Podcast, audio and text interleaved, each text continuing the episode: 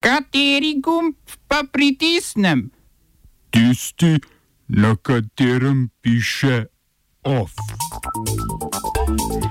Po napovedanih ustavnih spremembah odstopil ruski premijer Dmitrij Medvedjev, nasledil ga je Mihajl Mišustin.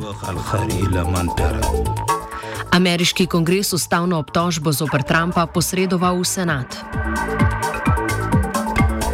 Parlamentarni odbor za zunanjo politiko zavrnil predlog levice za obsodbo uporabe vojaške sile ZDA. Lojze Lebič, novi častni član Slovenske filharmonije.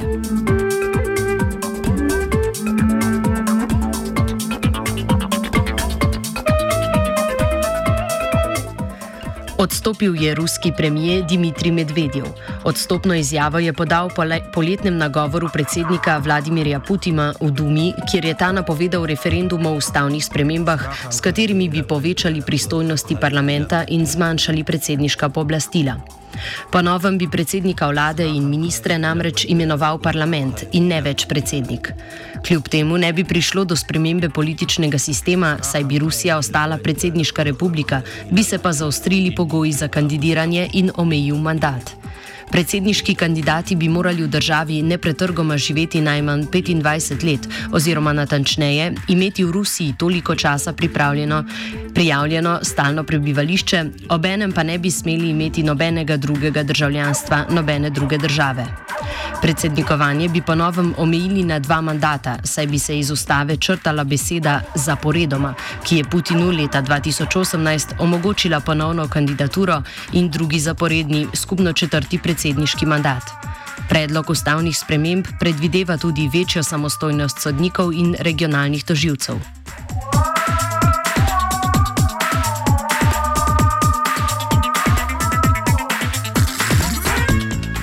Putinovim predlogom ustavnih sprememb bi, oziroma najverjetneje tudi bo, torej prišlo do predrugačenja razmeri moči med tremi vejami oblastmi.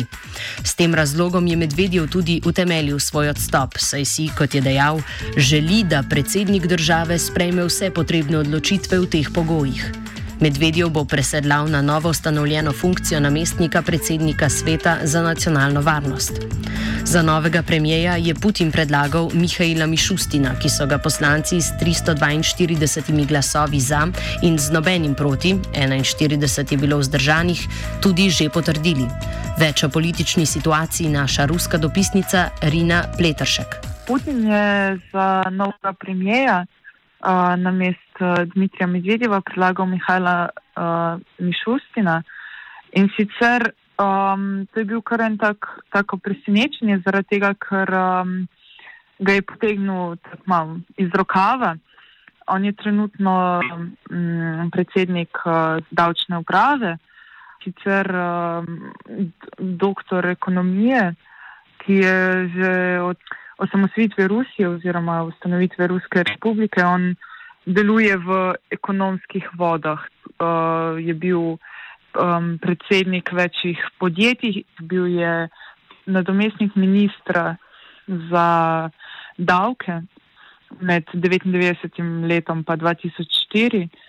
Um, tako da v bistvu je noben res ne ve, kot sem jaz ki smo pogledali vse te uh, in bloge in medije od Meduze naprej, um, ga je verjetno predlagal predvsem zato, ker je nepoznana figura in zato, ker verjetno je nekako spet njegova lutka, no? podobno kot medvedjev.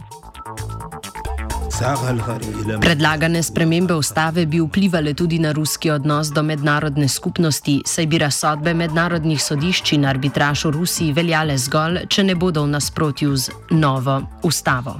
Je pa ena sprememba zelo ogromna, če se to vse uvede, eh, ki bo pa vplivala na Evropo, na Ameriko oziroma na mednarodno pravo, zaradi tega, ker eh, Putin predlaga, da se, spremeni, da se nekako postavi rusko zakonodajo nad mednarodno pravo.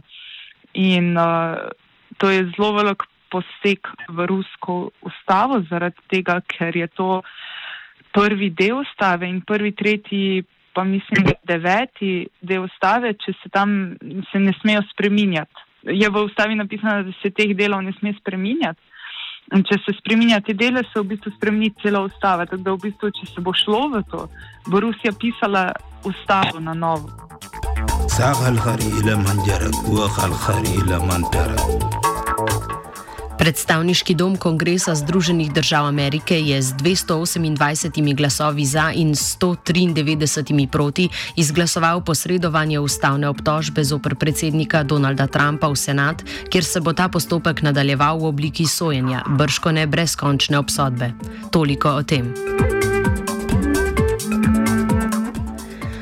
Evropski parlament je začel z obravnavo zahteve španskega vrhovnega sodišča, da naj katalonskima europoslancema, nekdanjemu katalonskemu predsedniku Carlesu Puigdemonu in ministru za zdravje Toniju Kominu odzame imuniteto. Politika sta svoja sedeža v Evropskem parlamentu sicer zasedla šele v ponedeljek, potem ko je sodišče Evropske unije decembra ugodilo Puigdemonovi pritožbi in ga s Kominom prepoznalo kot evropska poslanca. Belgijsko sodišče, ki je odločalo o nalogu za pregon in njuni izročitvi Španiji, je na to upustilo obravnavo in ima priznalo imuniteto, ki jo uživata kot poslanca Evropskega parlamenta. Linton.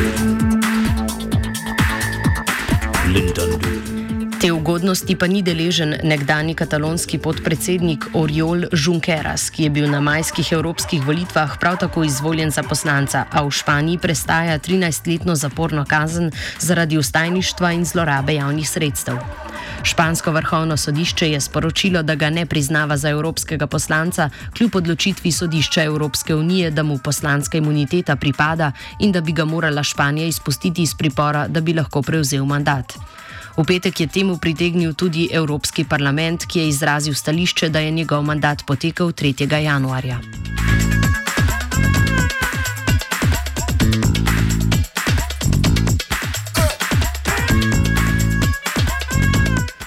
Poslanci Evropskega parlamenta sicer danes zaključujejo prvo letošnje plenarno zasedanje v Štrasburu. Evropski parlament vestno izraža skrb nad dogajanjem v Evropi in na tujem, bodi si z razpravami, bodi si s prejemanjem nezavezujočih resolucij. Na tapeti se je ponovno znašla Venezuela zaradi tamkajšnjih zapletov ob glasovanju predsednika Narodne skupščine.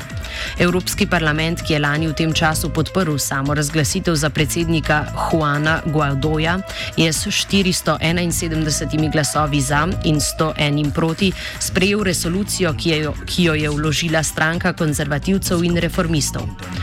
V njej je Evropski parlament ponovno obsodil vlado Nikolasa Madura in podporil Juana Guaidoja kot predsednika skupščine, pa tudi za legitimnega predsednika države.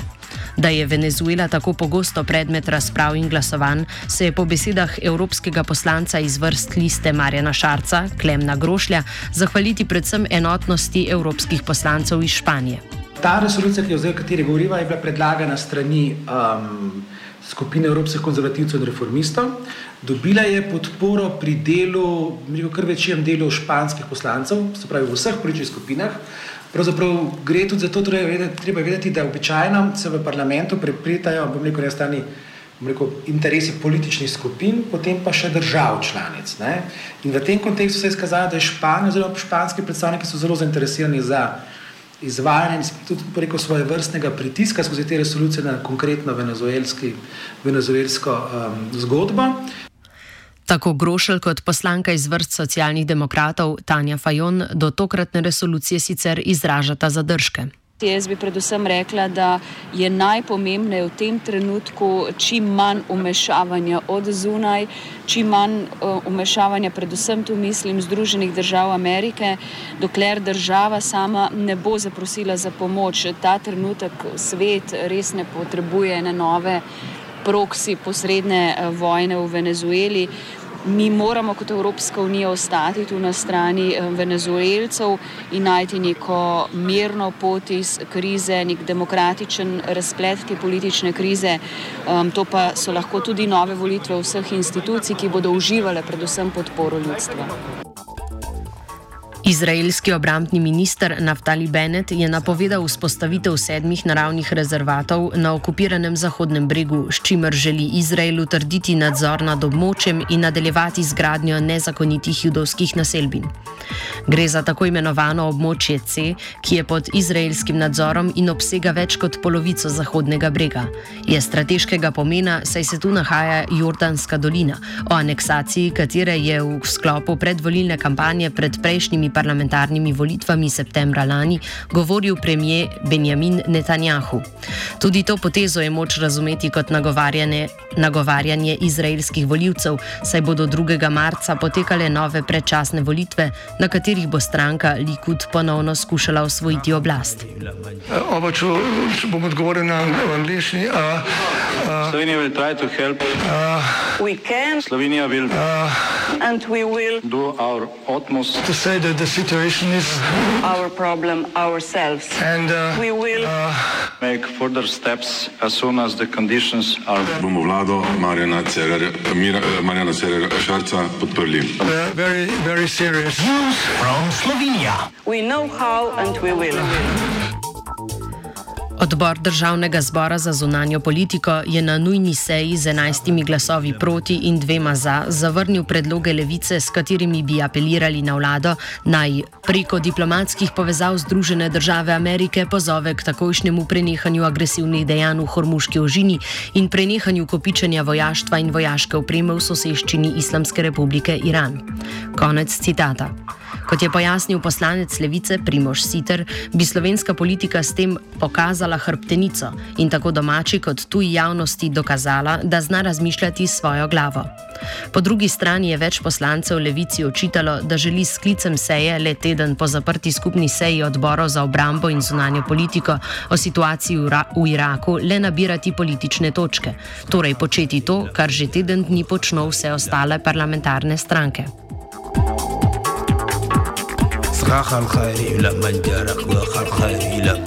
Of je pripravil Fabjan, iz Moskve se je javljala Pleteršek, iz Strasbura je poročal Plaskan.